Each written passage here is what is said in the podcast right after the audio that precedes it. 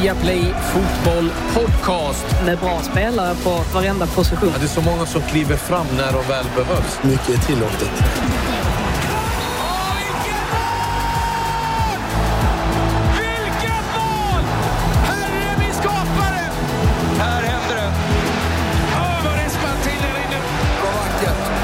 Nej, bästa dagen på året.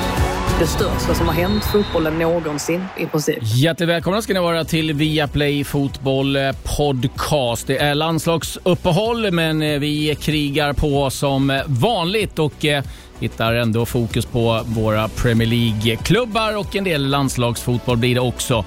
Och så är det premiär också för Pontus Kåmark. Välkommen till eh, Viaplay Fotboll Podcast.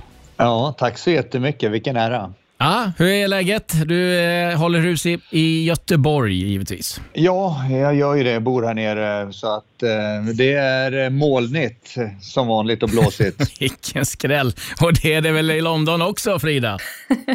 ja, alltså konstigt nog så är det faktiskt det. Men jag ska säga att det har varit jättefint väder nu den senaste tiden. Och det är varmt framför allt, eh, vilket är otroligt skönt. Så att eh, jag, ska inte, jag ska inte klaga trots att det är lite molnigt just idag. Ja, det låter härligt. Ja, vi eh, kör väl igång. Eh, Pontus, bara, bara innan vi drar igång, måste fråga. Du är inte aktuell för en comeback med Blåvitt, va? Det verkar damma av allt där borta nu. Ja, man vet både landslaget och Blåvitt dammar av det mesta. Men nej, det är nog lite väl illa där. Va? Run Forest Run, det funkar inte liksom. Ja, tänkte jag sätter mycket på gymmet. Jag tänkte att det var en comeback som var... ja, hade det bara varit det, så man slapp att springa, då vore det nog inga problem. Då hade det funkat. Ja, eh, många gamla stjärnor att damma av i Blåvitt. Det blir spännande att följa IFK Göteborg nästkommande säsong. Vi däremot, eh, vi går in i slutskedet av Premier League-säsongen och vi ska titta på toppar och eh, floppar så här långt. Zlatan är tillbaka i landslaget. Vågar vi hoppas på ett EM-guld nu? Och Leicester City är vidare till semifinal i FA-cupen efter vinsten senast mot Manchester United med 3-1. Och dessutom en stabil tredjeplats i Premier League. Men hur ser framtiden ut för mitt gamla Leicester. Mm, det är en del spännande saker som eh, händer kring eh, Leicester. Vi ska titta lite närmare på det. Men vi börjar som vi alltid gör med eh, senaste nytt med Frida. Ja, eh, och vi inleder med att Gareth Bale här meddelade tidigare i veckan att han kommer återvända till Real Madrid efter säsongen. Och det är ju ingen skräll på något sätt. Det hade ju kostat Tottenham ganska mycket pengar att behålla honom ännu ett år. Men back he goes och jag vågar nog påstå att eh, José Mourinho nog inte sörjer detta överdrivet mycket. Det verkar ju faktiskt knaka lite i fogarna dem emellan. Men eh, det är som sagt bara mina egna spekulationer. Ehm, och Nicky Butt lämnar sin roll som ansvarig för Manchester Uniteds akademi. Detta efter nio år som medarbetare i klubben. Och lite märkligt sammanträffande i och med eh, Uniteds utnämning av Darren Fletcher och John Möta nyligen kan tyckas. Men enligt The Athletic så ska de här grejerna hänga ihop. Eh, Butt drar inte jämnt med Möta. Och ska dessutom vara besviken över att han själv förbisågs vad gäller dessa positioner. Så att vi får se var han hamnar härnäst. Det har ju snackats lite om Salford bland annat. Men det är bara, det är bara rykten än så länge. Hade du någonting att tillägga där Nej, Claes? ingenting. Premier League-klubbar ska bestraffas med böter på 5000 pund varje gång spelare byter tröjor med varandra efter matcher. Och eh, enligt Daily Mail ska en klubb redan ha bötfällts två gånger. Det har förstås med coronaregler att göra. Eh, däremot så kan klubben eh, ha, de har som val att antingen betala boten själv eller helt enkelt skicka den vidare till spelaren i fråga. Så att eh, vi kan nog räkna med att vi kommer få se färre tröjbyten efter eh, matcher hädanefter. Också lite gladare nyheter då att eh, åtta 8000 supportrar kan få se sitt lag i ligacupfinalen på Wembley mellan Man City och Tottenham nästa månad är det väl. Eh, matchen ska helt enkelt fungera som en testdrive inför det riktiga uppöppnandet som väntas ske i den sista omgången. Så att, eh, ja, 8000 det är ju inte det är inte jättemycket kanske, men det är i alla fall en, en början. Ja, verkligen. Jag tyckte det var fantastiskt när det var 2000, så det säger väl en del om vad man längtar efter.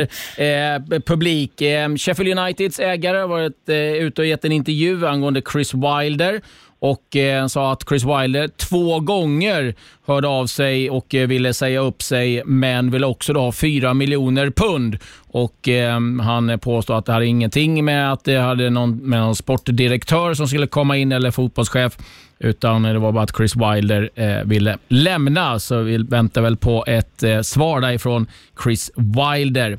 Sen har det varit eh, väldigt mycket, vi har touchat på det lite grann här, eh, diskussioner om eh, faran med att nicka i eh, fotboll och eh, det har blivit eh, mycket debatt i England angående demens, att det är ökad risk för eh, fotbollsspelare och eh, det är uppe i ja, regeringsnivå nu till och med. Och Nu är det klart att Liverpool och Manchester City ska vara med och eh, testa ett munskydd. Det är eh, U23 eh, lagen och eh, U18 på damsidan. Eh, det här munskyddet eh, mäter trycket, kraften i, i nicken eh, när eh, man väl då, eh, använder huvudet i fotboll på det sättet. Och Det där kommer då att sen utvärderas och man är redan nu inne på att man ska begränsa antal eh, Eh, nickar på träning till exempel 20 stycken eh, per pass och eh, det måste vara 48 timmar mellan varje träning. Så det där är en het potatis i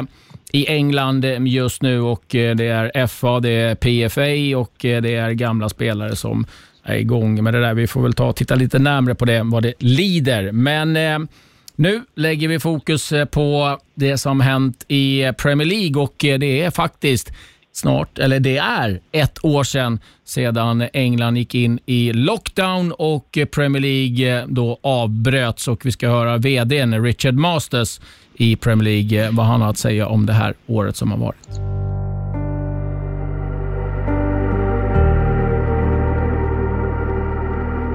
Welcome back to Premier League today on the day that the Premier League has suspended games uh, until the 4th of April. It's all due to the coronavirus. Following a meeting of shareholders today, it was unanimously decided to suspend the Premier League. My view was that was the right thing to do.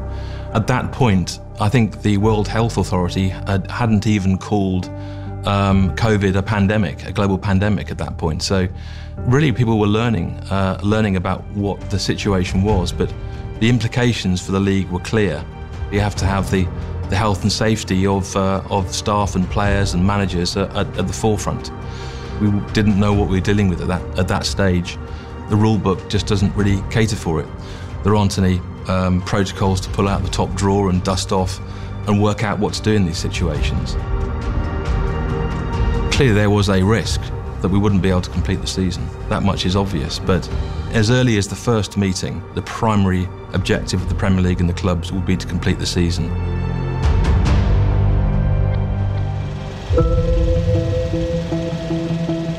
In early June, uh, or in late May rather, the government took a decision that elite sport could resume. In the meantime, we were working on government, as all sport was, in trying to find a way to get back training. And I think that's when things changed. We managed to persuade everybody, ourselves first, that it was safe to go back training. Then things changed from there. I think from there we had wind in our sails and, and going through those steps towards that June 17 resumption um, was easier. So, here we are again. The footballing cathedrals back open for business. A return for the game we love and cherish. Fernandez again. He doesn't miss them, does he? Classic counter-attack and Bruno Fernandez finishes it all off. Here's De Bruyne. Oh, what a goal! Well, should we be surprised? At the end of the season they feared may never end. In the never to be forgotten year of 2020, the champions of England again at last are Liverpool. Project Restart felt like a sprint. You know, we played a lot of matches in a in a five week period uh, after a long layoff. It was a it was a challenge. Uh, this feels more like a marathon. Um, the the, the schedule we've put in front of the, the clubs and the players is, is pretty brutal. It's a big challenge. There's been really strong adherence to all the protocols, um, and I, I, think that it's been a huge collective, collaborative effort. on behalf of the Premier League and the clubs and the players and everyone involved and staff uh, to get to this point. There's a really strong recognition, I think, at club level and at players level. It's a it's a real privilege to to keep uh, the competition going, to play football, and obviously we've been able to put all of the Premier League matches on television and work with our broadcast to deliver that. And the viewing figures show that uh, millions of people are tuning in to, to watch what happens. So that's it's really satisfying to be part of that. And mix envisioned. Hopefully, the final two fixtures of our season will have up to 10,000 supporters in them all. And then um, from the beginning of next season onwards, our goal is to have full stadia. And uh, obviously, the government's roadmap offers us that uh, opportunity. The vaccination programme is the light at the end of the tunnel. It's the thing which uh, changes everything from being controlled by the virus to controlling the virus and returning to uh, some semblance of normality. So, really, I think if the vaccination programme works in the way that government wants it to work, that will bring the return of, of full Premier League stadiums and um, theatres and cinemas and ticketed events generally. Well, first step is to uh, see that trophy presented on May the 23rd, hopefully in front of 10,000 fans somewhere in this country. We need to unite Premier League clubs around a plan for the future. A lot has happened over the last 12 months. And of course, we need to set a clear and secure financial plan for the Premier League. So if we can get all of that done successfully by the end of this year, it'd be a good year. And if you could throw in, you know, a successful Champions League win and perhaps even England winning the Euros, that would be even better. Ja, det var i tisdag som eh, det var exakt ett år sedan. Eh, och Frida, du har ju verkligen levt i det där eh, med lockdown och du har varit på, på matcher och varit på plats. Konstigt år på så många sätt. Ja, men så är det ju verkligen. Och eh, jag tror alltså det som har varit mest, eller som jag har lagt märke till allra mest är väl hur hur annorlunda situationen har varit i Sverige eh, under tiden. Alltså när jag har pratat med min familj och mina vänner som är, är hemma i Sverige så har de inte alltid riktigt förstått ändå hur, hur min situation har varit här borta, eller hur vår situation har varit här borta. Eh, just i och med att det har varit en betydligt tuffare lockdown, eh, betydligt tuffare restriktioner. Man har märkt av det på ett sätt som har varit väldigt, väldigt påtagligt. Eh, jag minns ju exempelvis den, den helgen som eh, Premier League och alla de, de högre toppligorna pausades. Ehm, det var egentligen sista helgen som det var turister i London och eh, det fortfarande var ganska mycket trafik och eh, vi lyckades eh, ja, vi, vi, lyckades hitta en enda match som spelades under den lördagen. Och ja, det var ju ett eh, ja, division 9-möte eh, som vi tog oss till. Och eh, där hade alla andra också samlats, eh, inklusive en hel drös med Millwall-fans eftersom att deras match också hade ställts in. Och det var ganska nära från deras, eh, deras kvarter. Och där började man ju känna av att nu är det nog någonting på gång här som är, är större än vad man kanske kunde ta in vid det tillfället och så blev det ju verkligen. Det, London utvecklades ju till en till en spökstad, speciellt de kvarteren som jag bor i som är väldigt centrala men som kanske främst eh, ja, innehåller en massa turister. Alla de försvann och alla jobbade hemifrån så att det var ju oerhört speciellt på, på det sättet. Och därför var det också skönt när fotbollen drog igång, alltså när vi äntligen kunde börja få se matcher igen. Inte bara för att jag själv hade chansen att åka ut till vissa arenor, även om det inte var samma sak då heller såklart. Men eh, också det här att man fick en distraktion eh, någonting att fokusera på eh, när allting annat var, var stängt. Så att eh, man har lärt sig mycket det här året tycker jag, både om sig själv och eh, ja, samhället i stort och, och fotbollen. Eh, men nu hoppas man ju såklart att det kommer återgå till det normala eh, nästa säsong. Det är väl klart att vi är nog en bit ifrån det, men eh, vi går ju åt rätt håll i alla fall och det är ju det viktigaste. Ja, det är verkligen som eh, Frida säger Pontus, att det, det varit ett år som varit väldigt annorlunda och om du tittar på liksom, fotbollen, liksom, hur tycker du att den har eh, sett ut och hur, liksom, hur har du upplevt att följa den om vi, om vi börjar där? Fotboll i sig är ju inte livsviktigt eh, så att eh, det är ju naturligtvis sekundärt med att spela fotboll när människor kan dö så att säga. Men sen är det ju så trots allt att det är en stor business som Eh, Eh, då tänker jag inte på spelarna utan det är ju massor med det finansiella med människors jobb och så vidare, uppehälle runt omkring. Så ur den aspekten så, så, så är det klart att det, är bra att få igång alla typer av eh, näringsverksamheter. Men fotbollen tycker jag i Ja, från en början där så såg man ju, tycker jag, en ganska stor förändring även på, på spelarna. Eh, att det gick ner i intensitet. Det var en hel del ganska tråkiga matcher. Det har varit betydligt färre mål. Eh, och det, det, kan man ju lätt förstå. Eh, det, det, vet du ju själv när du, när du springer spår i klass. Eh, ifall, du, ifall det är någon som står och tittar då, då får man ju eh, pina på lite extra. va? För man ju, måste ju ta i lite. Men det blir ju lätt en bekvämlighetszon på något sätt när man inte har den där publiken som trycker på och, och allting. Då. Så att, eh, men ja, det, det, det, är ju så det är. Jag tycker att det har varit en hel del bra matcher ändå och det är ju fantastiskt egentligen att man ändå kunnat genomföra och titta på, på fotboll då, även om det har varit lite öde och, och, och varit en tråkigare eh, inramning framför allt. För det är ju en stor del utav fotbollen. Det är ju inte bara fotbollen på plan utan det är ju det, det, det, det är en upplevelse och då är ju publiken en väldigt stor del. Ja, det märker man ju eh, och det har man ju känt av jättemycket liksom när man sitter och, och kommenterar. Man får liksom du får ju ingen hjälp av någonting. Jag tyckte att det blev så tydligt när man släppte in 2000 och jag vet att jag gjorde någon Champions League-match där det var 5000. Jag vet att normalt sett hade jag tänkt att åh, 5000 på den här arenan, det, ja, vad tråkigt. Nu var det bara åh, det är 5000. Vilken underbar känsla och man såg, det var någon match jag gjorde med med ett fåtal publik. Det var i England. De blev buade när de eh, kom ut. Man såg nästan ett leende på spelarna. Vad skönt att få lite burop emot sig. Att, eh, få, att få, få någonting i varje fall.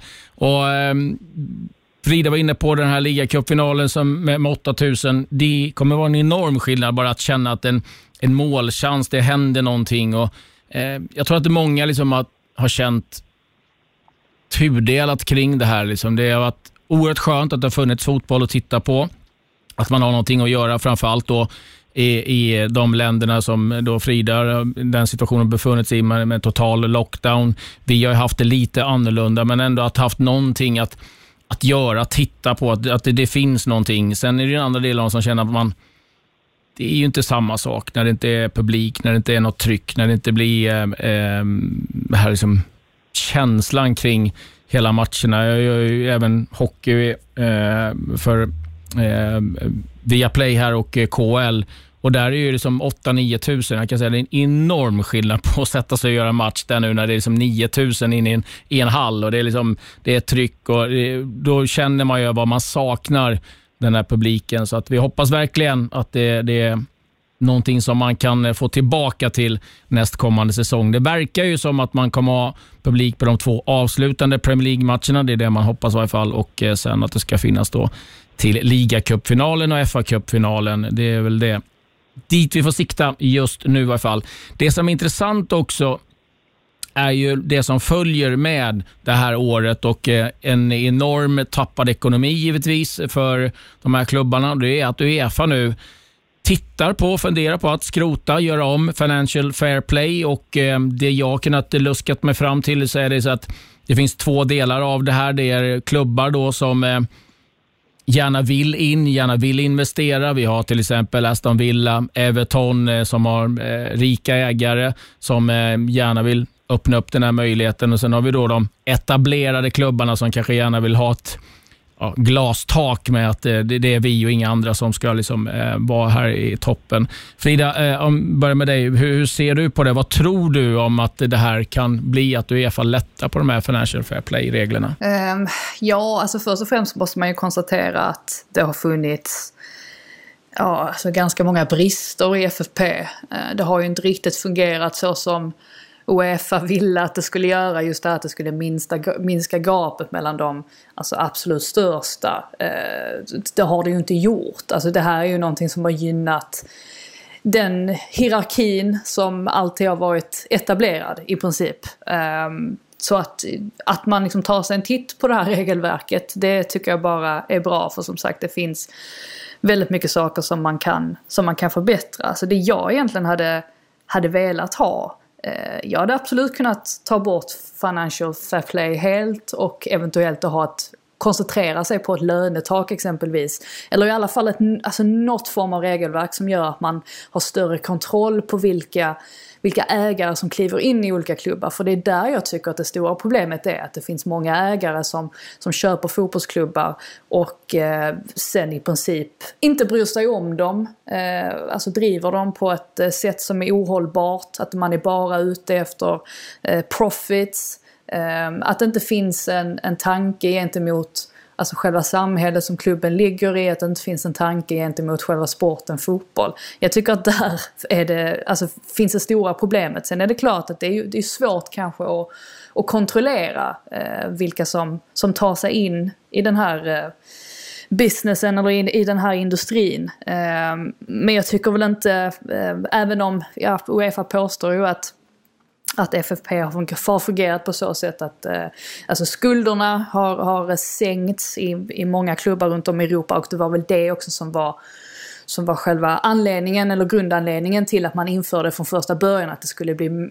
bli mer hållbart att, att driva en fotbollsklubb. Och då, där har man kanske lyckats till viss del men om det handlade om att man skulle minska gapet mellan de största och de lite mindre. Då, då, då, så har det ju inte blivit och det kunde man ju nästan räkna ut att så skulle det inte bli heller. Det jag tycker är intressant är ju liksom, vi har, vi har haft det på agendan här och tittat på de här super ligorna som vill vi startar, det är de här klubbarna då som redan har etablerat sig, som har pengar och gärna inte vill se något nytt lag eh, eh komma in. Jag skulle kunna känna, jag håller med Frida om att det har varit bra med att det har blivit en skuldsanering eh, i, i Europa med många klubbar. och så här. Men samtidigt kan man ju känna att jag skulle tycka det var kul att ett Aston Villa som har pengar med en stor historik, eh, som ett, ett Leeds eller Everton eller vilka det nu må eh, vara, har också möjlighet att satsa in. För att grejen är att ju mer de vill etablera en Champions League som bara ger pengar till de som redan har pengar och en mer och det där bara växer. Tror du att det kan vara nyttigt för fotbollen Pontus att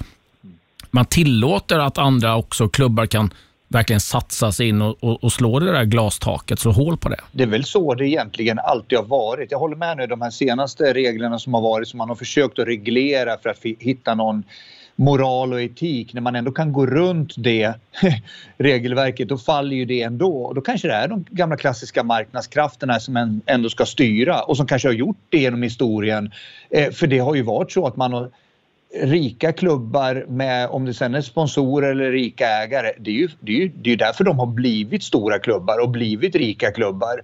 Eh, så att eh, det är ju på något sätt ändå alltid pengarna som har styrt. Så vad är skillnaden egentligen? Du skulle kunna satsa med ett svenskt lag. Har du en, eh, en rik ägare här som verkligen vill gå in, ja då helt plötsligt kan man ju vara med och konkurrera ute i Europa på ett helt annat sätt. Så att eh, ja, så länge man då inte gör det med belånade pengar, det är väl lite det på min tid, nu är det jäkligt länge sedan, var det 30 år sedan, men då var det klubbar vi mötte i Champions League som hade en halv miljard i förlust. Och sen hade de världens bästa spelare som vi skulle möta mot. Där kan man då undra, men vänta, hur kan det här få gå ihop på det sättet att man, eh, man kanske måste ha någon typ av är det ett företag så är det väl någon typ av kontrollbalansräkning som man ändå, ändå, ändå, måste ha för att se att det här är en positiv så man inte riskerar klubbens vara eller icke vara. Men annars kan man ju alltid komma runt. Man kan ju skaffa en tröjsponsor som köper in sig för överpris bara för att få in pengar och, och på något sätt. Så att jag tror ändå på något, att det kanske är marknadskrafterna som kan styra och det är därför vi har Manchester City där vi har det, därför vi har Aston Villa där vi har Sen vad Frida pratade om där, ja där kanske man då som klubb får se, vänta ska vi verkligen låta de här människorna ta över? De kommer med sina pengar eh, och, och, och allting. Ska de ha kontroll och de kan förstöra klubben? Det är ju på något sätt som varje klubb Eh, och de som är där, det är ju som vilket företag som helst. Det, det, där får man göra en övervägning eller då skriva in i egna avtal risk kontra möjlighet. Liksom.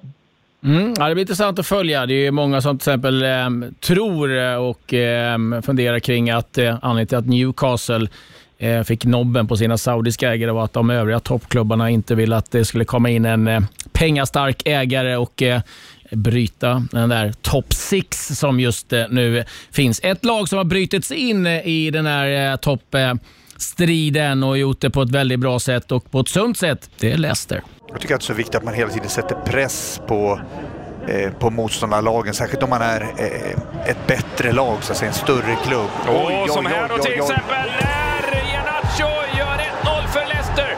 Han bjuds på 1-0 för Leicester. Var det Fred igen som slog bort bollen? Ja, det är en sån eh, Rembrandt alltså. Från Pogba, lilla kroppsfinten. För fan, han kommer ändå tillbaka in mot van Beek som släpper! Och då är det mål! Du kan inte räkna bort United. Tillingemans kan gå själv. Hur långt? Ja, hela vägen till och med! 2-1 för Leicester. Ward gjorde en löpning åt sidan och gjorde att Tillemans fick lite mer yta. Brighton gör ett försök. Ja, det är inte så dumt och det är till och med mål! Och vem om inte Iheanacho är det som nickar dit den? Han gör 3-1 för Leicester. K-makt överallt. vilken musik! Ja. Vilken musik i mina öron. Ja. Du, eh, Leicester, du eh, ja. spelade i klubben, du tillhörde den, du vann eh, ligacupen med dem. Vad säger du om deras eh, insats vi börjar med den här säsongen. Jag tycker att den är anmärkningsvärt bra och med det vill jag säga att Leicester är ju fortfarande, det är ju alltså en liten klubb om man tittar i England. Eh, nu har man ju där rika ägare, vi pratar om det där med pengar och allting. Men man har också byggt det på ett smart och på ett bra sätt eh, och kanske fått maximal utdelning att verkligen etablera sig så högt upp som man har gjort just nu i alla fall. Sen om det håller över tid, det återstår ju att se. Men jag, jag, tycker ändå att det glömmer man nästan bort nu för att Leicester var där uppe och de råkade, råkade vinna ligan för några år sedan och så vidare. Men de, de ska ju egentligen inte kunna vara där uppe om man tittar på, eh, på resurser. Vad är det som gör att de är där uppe då? Jag, menar, jag vet att du har insyn mm. i klubben och eh, vad är det som har gjort att man har kunnat ta de här kliven lite pö om pö. Det kanske gick lite väl snabbt med ligavinsten ja. där, men eh, de har ändå någonstans hela tiden byggt för att etablera sig. Ja, nej men det, det är ju... Man, man, behöver ha lite tur på vägen. Visst, man behöver en stabil ägare där det finns ett kapital och där det finns en framtidstro och det fick man ju eh, med de här thailändska ägarna. Väldigt ödmjuka, bra, bra människor och att de hade pengar och, och, och en seriös vision med Leicester. Men sen var det ju egentligen, det började ju egentligen med att man gjorde de här fynden och värvade. För det, det sportsliga måste ändå finnas där. Eh, jag tänker på Kanté, eh, man tänker naturligtvis på Vardy som är kvar. Du har Mare som gick till City, ja med flera, Drinkwater och så vidare. Så att där lyckas man ju eh, tjäna väldigt bra med pengar samtidigt som man då fick den här effekten på plan. Så att det är ju på något sätt startskottet. Sen har man förvaltat det på ett bra sätt. Man har fortsatt att köpt de spelarna som som inte de absolut största klubbarna kanske vågar gambla med för att det inte är riktigt en Thielemans. Ja, det var väl de som var intresserade av honom, men eh, där kanske det ska vara ännu större namn i de ännu större klubbarna. Så där finns ju en litet gap in the market för de som ligger under. Och då får man också säga att England med de här tv-pengarna, Premier League, har ju en möjlighet att, att shoppa i resten av världen. Så var det ju inte förr.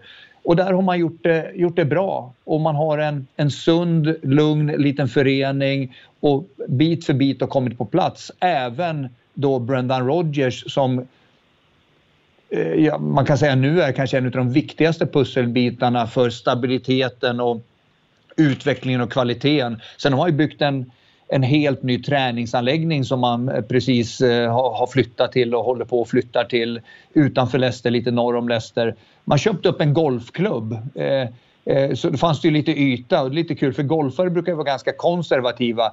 Men jag pratade med några från, som var medlemmar i den här golfklubben och de tyckte det var jättebra. Säg en golfare som vill att någon fotbollsklubb ska köpa upp en golf. Alltså så stort är det på något sätt i Leicestershire så att det är helt okej. Okay. Eh, dessutom så sparade de ju nio hål, eller ja, de mejade ju ner hela banan och allting och sen byggde de nio nya hål åt spelarna så de har någonting att göra vid sidan av fotbollen. Då. Så det, ja, det finns resurser och det finns en fram, framtidstro och så här långt så har ju ändå strategin och bitarna fallit på plats. Men vi vet ju att allting går i cykler så att man ska ju inte bara slå sig för bröstet. Det gäller ju att det fortsätter för det finns andra med pengar underifrån eller Aston Villa Leeds, Wolverhampton och så vidare. Så alla vill ju på något sätt uppåt. Mm. niohålsbana. Alla delar finns för att värva Gareth Bale lite senare. Frida, eh, Brendan Rodgers talas det ju mycket om och nu är liksom snack om flera olika klubbar. Tottenham är ett namn som, eh, eller en klubb som nämns. Vad, vad, vad tror du? Tror du att Brendan Rodgers känner någonstans att ah, jag är väldigt bra ställe där? Eller tror du att han är sugen på att ta sig vidare? Han lämnade Celtic lite överraskande mitt under säsongen. Ja. Nej, men det är otroligt svårt att, att veta såklart vad han eh, tänker. Jag tror också att till och med han kanske tänker fram och tillbaks. Jag tror att han, jag tror att han har det väldigt, väldigt bra i, i, i Leicester för det är lite mindre press. Han är ju, han är ju gudahyllad i klubben och han är ju som handen i handsken på något sätt eh, med sin brittiska bakgrund. Han är på något sätt större än spelartruppet, vilket de hade problem med tidigare där det fanns lite uppvigling och så vidare eh, under Ranieris tid eh, och Nigel Pearsons tid och sådär. Så att man har ju fått en stabilitet och han är ju, han är ju pappan, han är fadersgestalten så han är viktig där. Men tittar man på honom själv så är det väl konstigt om han liksom spelare eh, de vill ju på något sätt ändå testa vingarna så högt upp i hierarkin som, som det går. Och dessutom finns det säkert en ekonomi i det också. Så att eh, det finns ju såklart en risk beroende på hur långt han har kvar på kontraktet, det vet jag inte. Men att, att, eh, att någon är där och, och vill få loss honom för att det är en så pass respektabel, duktig, eh, gnuggande tränare med, med, med väldigt bra personlighet så att säga. Och särskilt kanske då för Storbritannien och de stora klubbarna eh, med, språk och kultur och, och, fotboll och allting sånt. Så att jag säger fortfarande att risken är överhängande att någon av de de stora då kommer att försöka ta honom. Vad tror du Frida? Ja, nej men alltså jag tror ju först och främst att plockar, eller säkrar Leicester nu en, en Champions League-plats så finns det ingen anledning för honom att, att lämna klubben. Alltså så länge, då förutsätter jag ju att han har en god relation till, till ägare och så vidare. Sånt vet man ju all, aldrig riktigt. Alltså hur relationerna ser ut eh, alltså utanför planen och vad som försiggår bakom kulisserna. Eh, med tanke på också att slänger man en blick på, på deras, det laget de har just nu som får ju anses vara ett väldigt, väldigt bra lag som han har fått ihop på ett väldigt bra sätt så är det inte sådär jättemånga klubbar som ryktas bort därifrån. Det är ju NDD som ibland dyker upp som ett eh, alternativ. Alltså det pratades ju väldigt mycket om Manchester United för något år sedan och sådär eftersom att de behövde förstärka på, på den positionen. Men jag tror att det finns goda chanser för dem att behålla det här laget och istället då addera kvalitet. Så att ser man till det så, så just det här med när man pratar om olika eror och att allting går i cykler så känns det ju snarare som att Leicesters Eh, alltså Leicester har bara tagit fart nu. Eh, att det känns som att de nog kan liksom, eh, etablera sig ordentligt, alltså där uppe i toppen på allvar över sikt också. Sen är det klart, sen kommer det ju alltid, som vi såg efter att de plockade ligatiteln, att eh, det började gå lite nerför och sen så Claude Poel fick inte riktigt ordning på det. Så att där gjorde man ju ett väldigt strategiskt bra val när man plockade in Brendan Rodgers, när man insåg att, pinpointade honom och insåg att han är en så pass skicklig tränare att han kan få ordning på det här. Eh, så att eh, det, det är väldigt svårt att och liksom säga att så här kommer det se ut. Nu är Leicester kvar för att stanna för tio år framöver. Men jag tror i alla fall, alltså på, om man ser till ett par säsonger framåt nu så ska de ha tillräckligt god ekonomi. De ska ha ett eh, tillräckligt skickligt rekryteringsnätverk för att eh, kunna hålla sig kvar. Eh, och just därför så tror jag väl att det är attraktivt för Rogers också att stanna kvar. Mm, vi får följa det. De har fem poäng ner till Chelsea på den där fjärdeplatsen. Så just nu ser det onekligen bra ut för Leicester.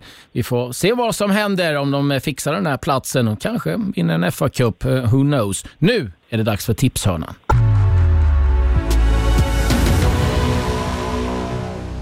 Landslaget eh, har samlats och eh, det är ett eh, gammalt bekant namn som numera finns med och drar till sig ganska mycket uppmärksamhet. Kommer inlägg. Ibrahimovic trycker till och i mål! Zlatan Ibrahimovic hattrick! Och vilken bomb! Mm, Zlatan är tillbaka i det svenska landslaget och eh, Frida, det är inte bara här det talas om att eh, han är tillbaka. Jag har sett det eh, varit rubriker i England också och det är både beundran och eh, lite förundran över att han är tillbaka i det svenska landslaget. Ja, men verkligen. Det, det slogs eh, upp oerhört stort här på, eh, ja, men liksom på nationella nyheterna på bästa sändningstid. Så att det visar ju hur stort det är. Och han har ju blivit så stor, givetvis, sedan han var här i Premier League. Eh, det är ju lite så i England att det är först då du räknas som fotbollsspelare när du satt din, din fot på engelsk mark. Um, Nej men alltså det, det är väl självklart att alla fascineras över att han har nått den åldern han har nått och, och ändå inte bara det här att han fortfarande platsar utan att han fortfarande vill. Att det finns en hunger att fortsätta trots att han har uppnått så mycket han har uppnått. Eh, och jag blev fascinerad jag satt och lyssnade på den här otroliga presskonferensen som eh, det måste ha varit den märkligaste presskonferensen jag har sett i hela mitt liv. Eh, inte så mycket för att han var, betedde sig märkligt eh, eller så utan mer att det, det tog sådana det tog såna vändningar. Det gick från att Zlatan inledde med att vara lite, lite, så här, lite mer ödmjuk, lite mer vuxen kanske i sitt sätt att föra sig på till att han sa att han ville vinna EM-guld och han skulle göra mål i VM innan han slutade och sen så brast han ut i gråt, eller brast ut i gråt, men han blev lite tårögd i alla fall när han pratade om sin, sin son och att han ville lämna honom. Så det, var, det var väldigt emotionellt, ett väldigt emotionellt första möte med, med Zlatan tillbaka. Så att det här är ju såklart det här är ju så gigantiskt stort. Jag tror inte riktigt att man kommer... Man kommer inte förstå det förrän man ser honom där på planen. Vi kan väl anta att han, eh, han spelar från start här nu, vad man har förstått, eh, mot eh, Georgien. Fotbollsmässigt Pontus, vad betyder mm. det för, för, för, för, Sveriges landslag att ha tillbaka en spelare som Zlatan och hans eh, kaliber framförallt framför mål? Ja, men jag tycker att det betyder mycket. Det finns ju en anledning till att man att man öser in eh, mål under 20 års tid och det spelar liksom ingen roll vilka motståndare. Det finns ju en kvalitet, en kunskap, spelsinne, eh, hunger att göra mål som, eh, som vilket lag som helst skulle behöva. Så att man får ju på något sätt en, en, en toppmöjlighet på, på något sätt. Med, man vet ju inte riktigt vad höjden blir med en, en sån oberäknelig spelare som kan göra det mest fantastiska och, och, som motståndare, dels är det, det, det är skillnad på något sätt att gå ut och spela. Han har ju den respekten med sig. Han kommer att dra åt sig uppmärksamhet som öppnar upp för de andra. Så att, och dessutom så är han ju, han är ju inte bara där för att han är Zlatan och, och har all den här historiken. Han är ju faktiskt med för att han har gjort det bra, för att han är i form. Alltså det är ju otroligt med den åldern och den fysiska, det är, ju, det är ett fenomen skulle jag vilja säga att vara så så fysiskt stark eh, professionalism där eh, som han ändå är. Så att det, det är ju inte bara ett namn utan det finns ju någonting där bakom. Frida var inne på det på löpet. Du hackade lite på mig för det jag hade skrivit angående om att våga tro på ett EM-guld här nu. Men mm nog höjs temperaturen. Vi, vi, tog oss till en kvartsfinal i ett eh, VM nu. Adderar man som eh, en spets, det är liksom kommer ett självförtroende. Vi har nya unga spelare som också givetvis kommer eh, lyftas och lyftas av, av hans eh, närvaro. Vad tror du det betyder liksom, i stora drag för hela laget? Ja, men jag tror nog att, att det här kommer eh, jag tror framförallt att de, de, de spelarna som har varit med tidigare, de vet ju alltså hur Zlatan fungerar, de vet hur man ska handskas med honom så att, säga, så att säga. Det var väl lite det Sebastian Larsson också var inne på häromdagen när han fick fråga om Zlatan. Att han, han känner ju Zlatan redan och, och vet vad det innebär och ser det ju bara som att man får in en spelare med otroliga individuella kvaliteter. Och jag kan ju säkert tänka mig att de, de yngre spelarna tycker att detta är fantastiskt också att få en chans att spela med killen som de växte upp med att se upp till och som säkert har banat vägen för dem på, på väldigt många sätt. Så på så sätt så betyder det ju säkert oerhört mycket. Sen får man ju se det, man måste ju komma ihåg också att det här är ju inte Erik Hamrens landslag längre utan det är Janne Anderssons. Och jag känner ett, eh, ja, kanske lite överdrivet stort förtroende för att Janne Andersson ska klara av den här situationen på ett väldigt bra sätt. Jag tror väl därför det, det var väl antagligen därför han tog med Andreas Granqvist trots att han han knappt har spelat en match eh, det senaste året. Eh, just för att han ville markera att detta är inte det gamla landslaget. Eh, att Zlatan absolut kan fylla en, en väldigt stor och betydande roll på sikt men att han på något sätt måste sälja sig i ledet också som alla andra. Så att det ska bli spännande att se om, ja alltså hur det ser ut ute på planen också i det sportsliga. Om de kan få ihop alla de här bitarna och då tror jag väl, även om jag tänker inte gå så långt som att sitta och säga att det blir EM-guld så tror jag väl absolut att kan man behålla den här svenska grundstabiliteten som man ja, som var så framgångsrikt under VM 2018 exempelvis och då addera spelare som Zlatan och inte minst då Dejan Kulusevski som inte var med då, Alexander Isak som är, är lite äldre nu också. Då tror jag absolut att man har en bra chans att ta sig långt. Så att ja, det ska bli väldigt spännande att se hur, hur bra de får ihop det här och hur snabbt det kommer gå. Jag tror ju inte att Zlatan kommer att ställa sig i något led om man säger så med, med lite skämt och sidor. Men eh, Eh, jag är inne på det som, som ni säger, det är ett lite annat läge. Zlatan har blivit äldre, eh, alltså kanske om man då får säga mognat men har en större förståelse. Han är ju inte heller mitt uppe i sin karriär när han kanske var som eh, mest ärgirig eh, och så vidare. Så att det är ett lite annat mandat han har. Eh, alltså förr var ju Zlatan landslaget. Det fanns ju, nu finns det ju faktiskt andra intressanta spelare. Så att det, det jämnar ut. Det ju, skulle det inte fungera om man säger så och, och ehm, eh, vi säger att Janne då skulle säga nej, jag, jag tar inte med honom så, så tror jag inte det Janne har ju ett mandat på ett annat sätt som det var tidigare.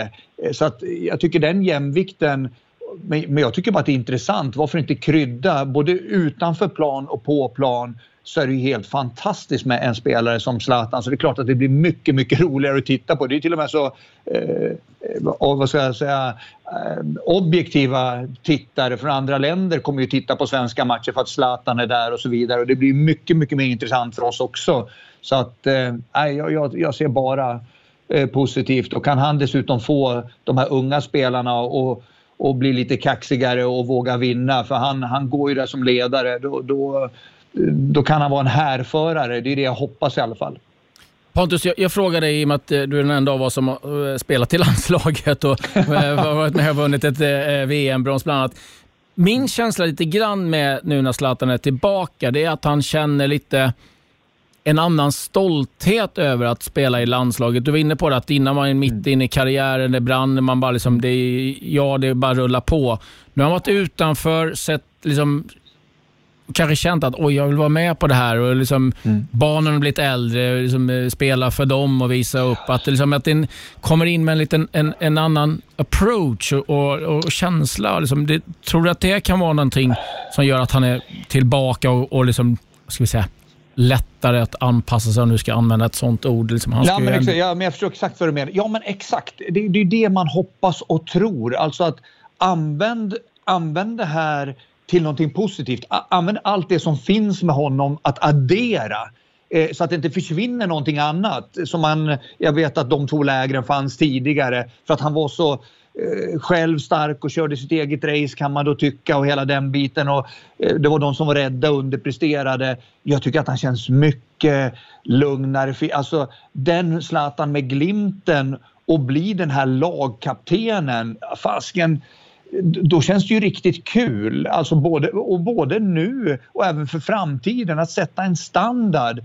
Kulusevski, alla de här unga killarna som alltså få in en som vet hur det är att vinna.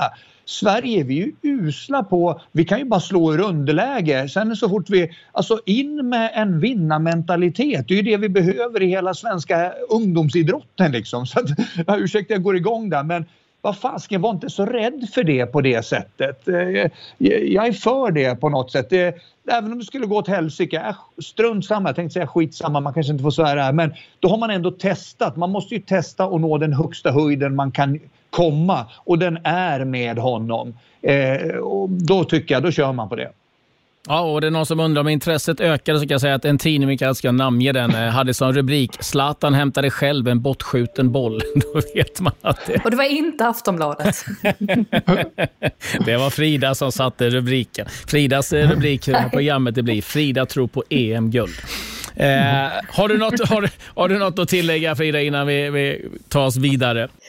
Nej, egentligen inte. Bara det att man, eh, jag satt eh, nu förra helgen satt jag och eh, kollade igenom lite gamla landslagsklipp och sådär när, när Zlatan var med. Hans klackmål mot Italien och hans bicykleter mot eh, England eh, under invigningen av Friends Arena. Så att eh, Ja, jag känner mig väldigt redo på att få se honom igen. Och det var ju verkligen, eh, det var ju puls alltså när Jan Andersson gick igenom eller läste upp vilka spelare som han hade tagit ut i truppen. Jag, jag kan inte minnas att jag haft en sån puls på, på väldigt, väldigt länge. Så att det, det säger ju väldigt mycket om hur, hur stort det, det här är som, eh, ja, för en svensk helt enkelt. Otroligt häftigt och eh, vi ser verkligen fram emot en eh, sommar då med förhoppningsvis hel och eh, frisk Zlatan i en EM-trupp. Eh, han ska gå på matchen som spelas ikväll. Eh, fick inte plats på presskonferensen. Det säger väl en del om intresset. Eh, på läktaren fanns det möjlighet att sitta, men på presskonferensen där var det redan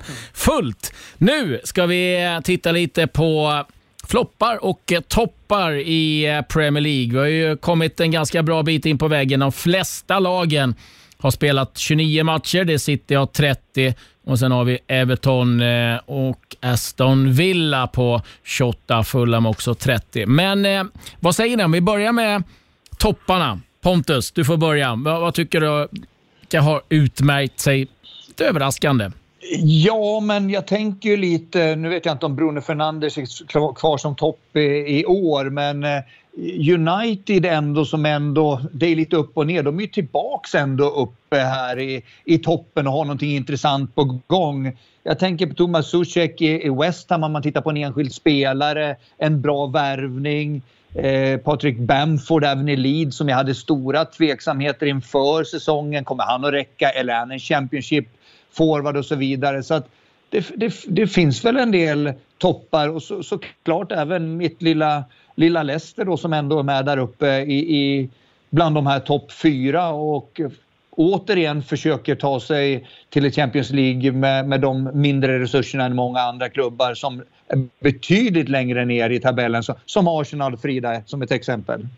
Frida, vad, vad hamnar på din lista? Ja, nej, men det är ju ganska mycket egentligen. Alltså dels då Manchester City och framförallt Pep Guardiola som lyckades gå från att ja, eh, var på väg att, att krascha helt till att helt plötsligt påbörja en, en ny sorts cykel eh, med otroligt stor framgång och har fått ihop det laget på ett otroligt sätt. Jag tycker så sett till då, alltså var de stod i oktober så tycker jag verkligen att det är en otrolig bedrift. Ehm, att lyckas vända det så tvärt och, och, få dem på banan igen på det sättet och just det här att de leder tabellen igen så överlägset som de gör. Ehm, sen är det ju svårt att bortse från West Ham, alltså hela kollektivet West Ham med David Moyes, eh, viss Suchek nämns där, tycker även att Declan Rice har varit väldigt bra, alltså just att de två som inom mitt fält har varit ett av de bästa i, i hela ligan. Och där har ju West Ham också gjort några riktigt bra rekryteringar, eller ja, betydligt mer ehm, eh, vad säger man, förnuftiga värvningar jämfört med vad man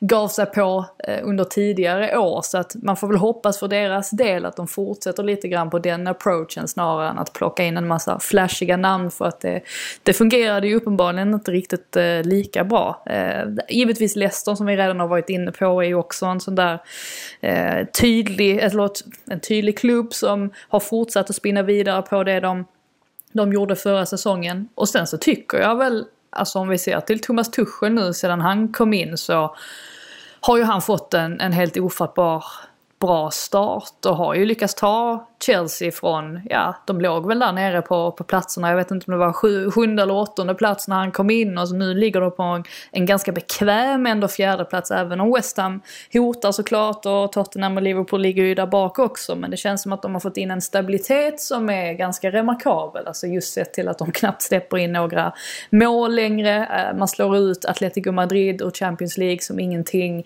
Eh, han är ju en riktig vinnare för mig, eh, på kort sikt nu i alla fall. Så att nej det är, det är mycket bra ehm, eh, mycket bra att nämna faktiskt. Ja, West Ham fastnar man givetvis för både David Moyes och det arbete han har gjort eh, och eh, Thomas Socek. Ska säga det att jag hörde intervju med Stuart Pearce, assisterande i West Ham idag, så att eh, Thomas Sorcek, han kommer inte försvinna någonstans på en fråga om det fanns en risk att eh, någon annan klubb skulle köpa honom. Så den slog han ner i varje fall. Eh, Ilkay Gündogan tycker jag att man måste lyfta fram i Manchester City som har bidragit med eh, mängder av mål och assist här nu och eh, tagit en liten annan roll. Lite Aston Villa ändå, måste jag säga, med tanke på hur situationen såg ut i fjol, mm. där de var nära att åka ur, men eh, nu då stabila eh, i, i mitten. Eh, och Där måste man också lyfta fram Ollie Watkins, som nu också förärats med en plats i, mm. i landslaget. Så det är väl de som jag lyfter fram här lite snabbt. Då. Floppar då, Pontus? De brukar vara lättare att hitta någonstans. Det finns det gott om. Nej, men där finns det väl, eh, som du säger, det är lättare att vara negativ. Va? Nej, men det finns en hel del. Såklart, eh, om man då tittar, så vi hyllade lite Chelsea här med Tuchel, så, så är det klart att Lampard blir... Flopp kanske är, är hårt på något sätt, men det, det, det krävdes att göra en förändring när Kai Havertz och Timo Werner som då jag väljer kanske att välja dem då som har, har floppat och inte de värvningarna som Chelsea ändå gjorde som de till början inte lyckades eh, omvandla till poäng men kanske fått lite ordning på den skutan. Liverpool är väl det mest självklara samtidigt som det finns kanske en förklaring eh, med skador och så vidare men jag tycker på något sätt det, det, det känns som att det går ännu sämre än skadorna. Eh, kanske med det oket och förväntningar och eh, klubbemblemet som man har. Eh, Tittar man på enskilda spelare så eh, Brewster, Ryan Brewster i, i Sheffield United med tanke på United sist i ligan. Man köper in eh, den här dyra ynglingen från Liverpool och eh, för, som målgörare. Och han, han har väl mig vetligt inte gjort ett mål på träning ens än så länge. Nej, men skämt åsido, han har inte gjort något i, i ligan så det är klart att det det blir väldigt jobbigt för Sheffield United då. Van de Beek i United som inte får spela. William med sin höga lön. Eh, om man jämför med Saka och Smith Rowe vad de egentligen har gjort. Ake, Manchester City. Kommer ni ihåg honom? Ake som gick till Manchester City för en massa pengar, en mittback. Och naturligtvis Fabio Silva i Wolves även om han är ung och lovande. Men där har du väl en liten lista på eh, spelare. Vissa med potential men vissa som tyvärr ändå får en liten floppstämpel.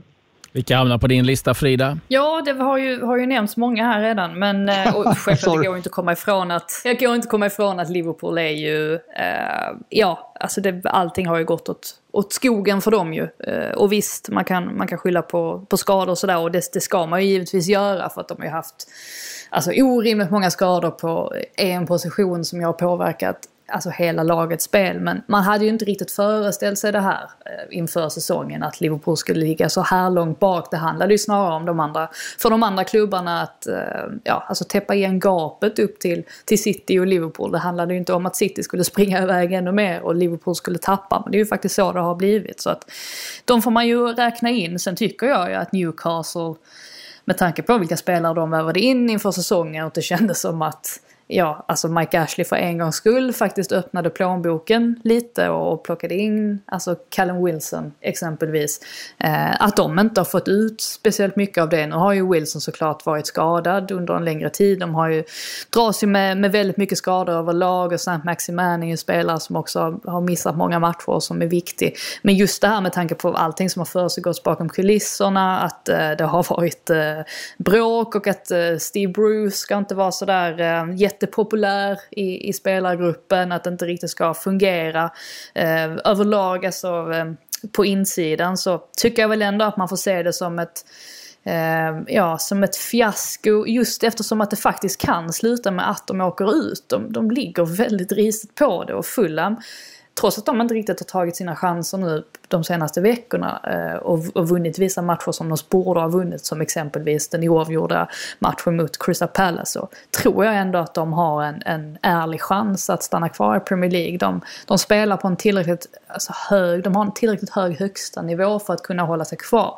Och då tror jag att Newcastle är den som, eh, som ligger riset på det. Speciellt nu också efter att ha förlorat med 3-0 mot, eh, mot Brighton så att ja, det kan potentiellt sluta med eh, uttåg för, för Newcastles del och det vore ju ett eh, väldigt stort fiasko och svårt, för, svårt läge för Mike Ashley också som ju bara vill sälja klubben. Det är svårare att sälja en klubb i Championship än vad det är i Premier League skulle jag tro. Man får inte lika mycket pengar för det i alla fall. Det är eh, sant. Det lär nog försvinna runt en 100 miljoner pund på den prislappen om de åker ur. Eh, ja, ni har ju egentligen täckt upp det mesta.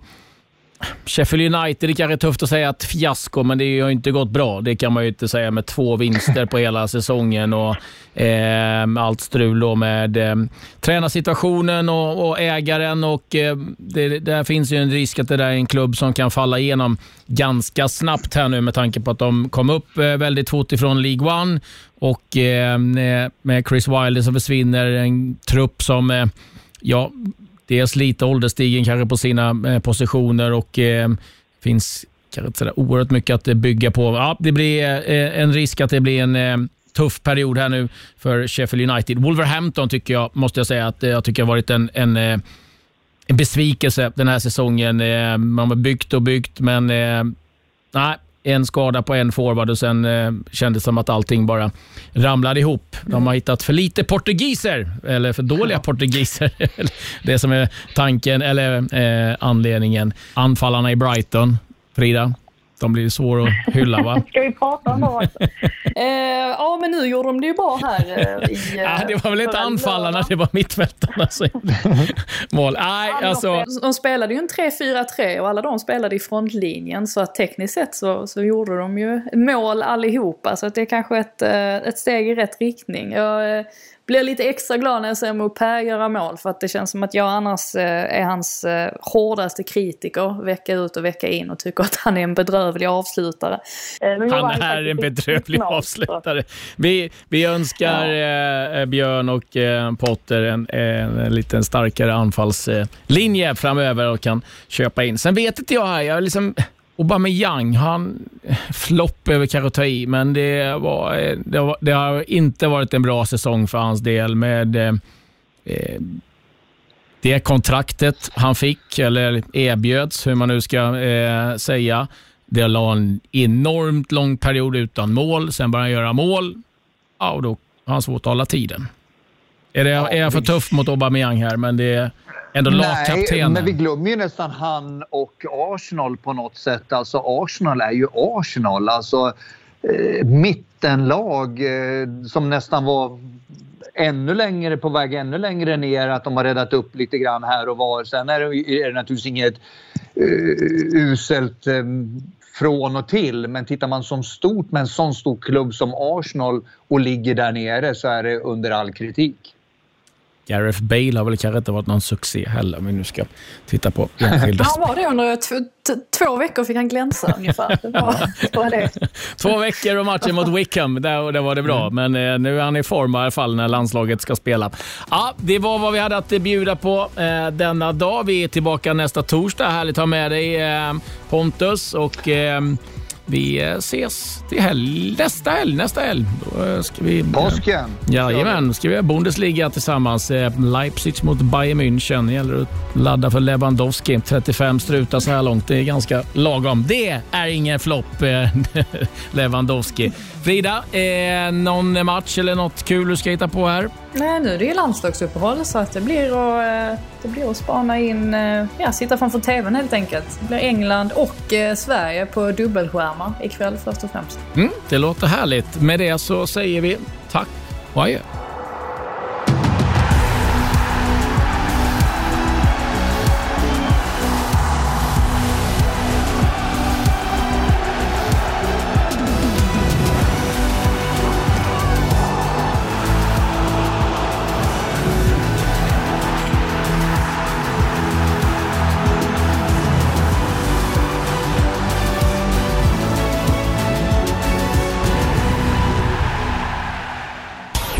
Produceras av I Like Radio. I like radio.